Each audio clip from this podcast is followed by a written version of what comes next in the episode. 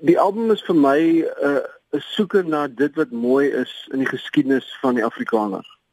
Ek dink ons deesdae soveel mense vir Afrikaners wat wat ehm um, die mekaar is oor waar ons vandaan kom.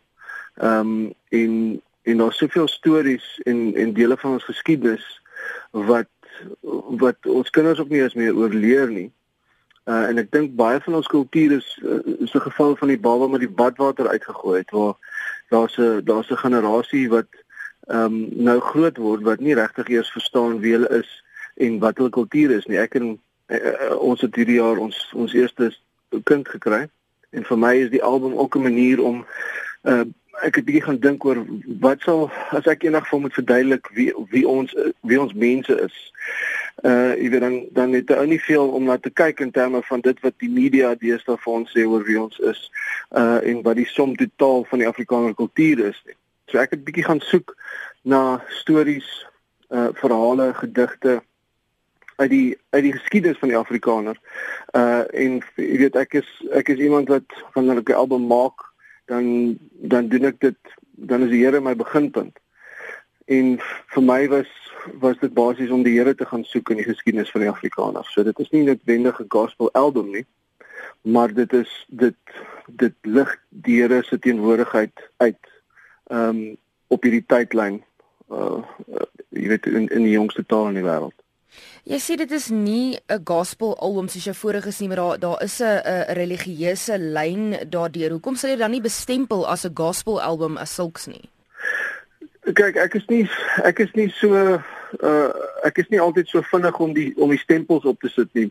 Ander mense is is ander mense is meer geneig om dit te doen. Vir my gaan dit oor die die die dit waarmee die Here besig is mee met my kom uit deur my musiek en partykeer is dit net op hom gerig. Ander kere gaan dit oor die lewe, maar dit vloei ook uit hom uit. So ek is heel gemaklik daarmee. Uh jy weet in die ou dae het ons gesê jy weet jy moet by 'n spesifieke ding bly anders gaan mense nie weet waarmee musiek in 'n in 'n in 'n musiekwinkel te gaan soek nie. Dit raak weer dalk bietjie minder van 'n van 'n probleem. Ehm um, so my albums het maar ehm um, oor die het het al baie verskil. Jy weet ek het begin in Engelse Engelse rockmusiek, my heel eerste album was 'n Afrikaanse album. Maar jy weet solank dit solank dit geïnspireer is en en en deur die Here, dan is ek gemaklik met wat ook al dit is en of dit nou stories is en of dit worship musiek is. Dit is dit kom van al van dieselfde plek af. Ek het gelei gevoel om die om die fotorekke monumente hier. Jy weet ek het ek het rondgesoek en vir my is die onsse Vader iets wat baie na my hart lê. Ek het um, in Israel 'n klompie jare terug die voorreg gehad om op die in die kerkie te wees wat hulle gebou het op die plek waar Jesus vir die disippels die onsse Vader aangeleer het. En ehm um, ek het op en af geloop en gesoek na Afrikaans want hulle dit omtrent in elke taal in die wêreld is daar sulke panele op soos verskillende mense soontoe gegaan het, het hulle hulle taal saamgevat. En uh, ek was toe al 'n rukkie in Israel en en jy weet op en af geloop en gesoek vir Afrikaans om te kry om op die einde heel voor in die kerk. En vir jy weet vir 'n boerseun is dit nogal 'n emosionele ding gewees so lank weg van die huis af om sy taal in so 'n prominente plek in so 'n belangrike plek te kry. En toe ek opgestaan en die Onse Vader gesing in in die die kerk was heeltemal leeg gewees en die akoestiek en net my stem is iets wat half half my ding met die Here toe geword het is maak nie saak waar in die wêreld ek kom nie as ek in 'n leë kathedraal of 'n kerk of wat ook al is dan dan staan ek op en ek sing die Onse Vader. En ek het rondgesoek na 'n opname van die Onse Vader in Afrikaans en ek kon nie een kry wat half uitstaan as as die opname van van die Onse Vader nie.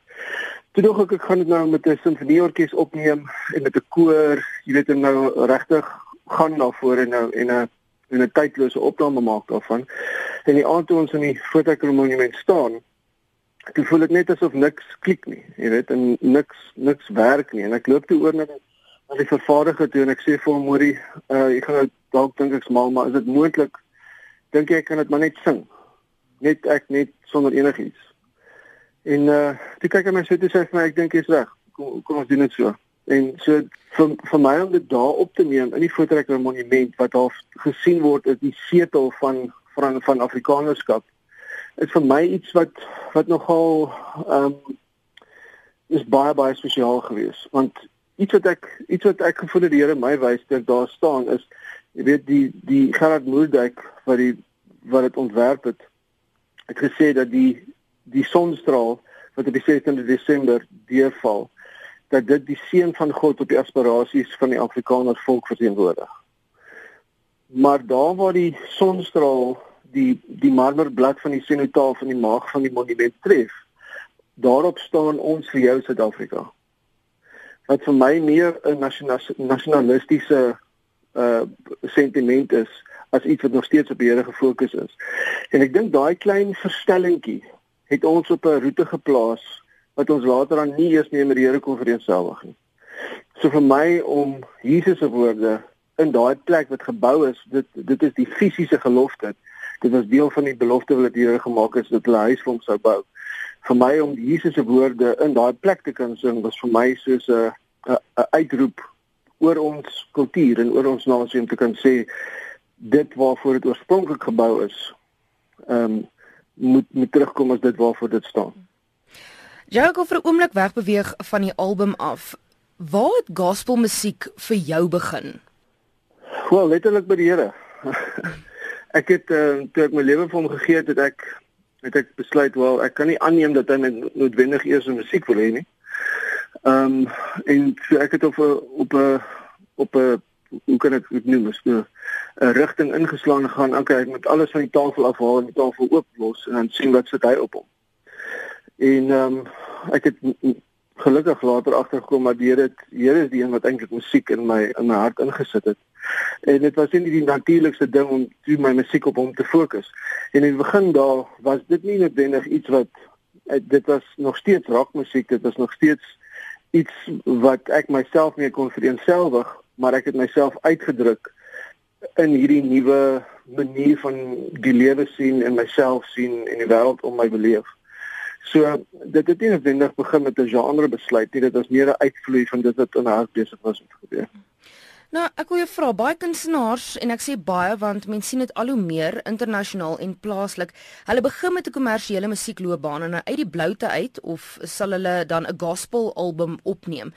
Nou mense hoor dan die media en die publiek sê en ek praat nou uit ervaring uit van mense, weet ek het hierdie onderwerp bespreek met mense. Hulle sê die geld het dan seker opgeraak en dis hoekom hulle nou die gospel musiek maak.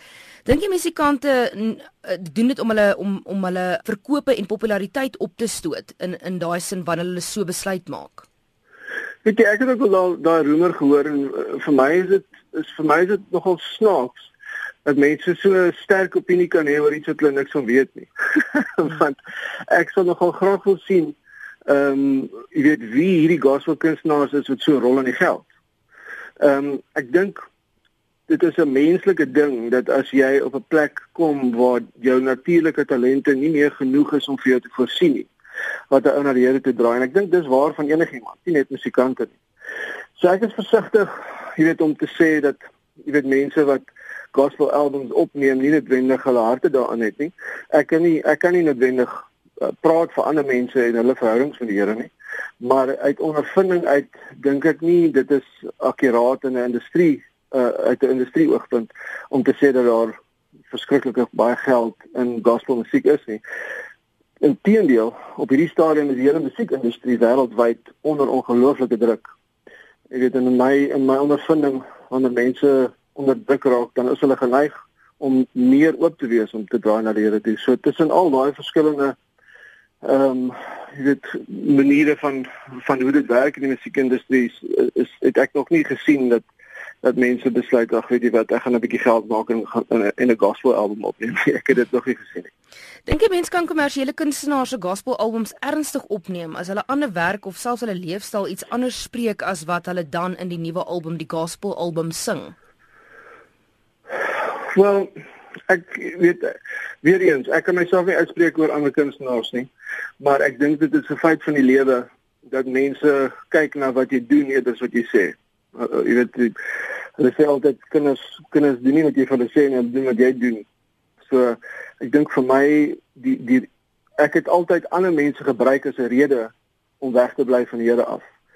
Maar dit was vir my baie makliker om om gate te skiet in ander mense se lewens as wat dit was om die gate in my eie lewe aan te spreek en te face. So dit die ouens wat wat in wat wat sonder sonde is is geneig om die eerste klippe te gooi. Jou terug by jou musiek en die nuwe album Vryheid. Het jy 'n groot toerskedule om die nuwe album bekend te stel in die nuwe jaar? Jy het wel gesê jy is nou met vakansie, maar vir 2017 is daar 'n vol program vir jou voorberei. Weet jy ek ek ek um, my program werk volgens uh een ding is ek gaan ek probeer elke 6 maande vir 'n week weggaan. So ek gaan my jaar afskop met 'n met 'n tyd weg wat ek gaan afsonder.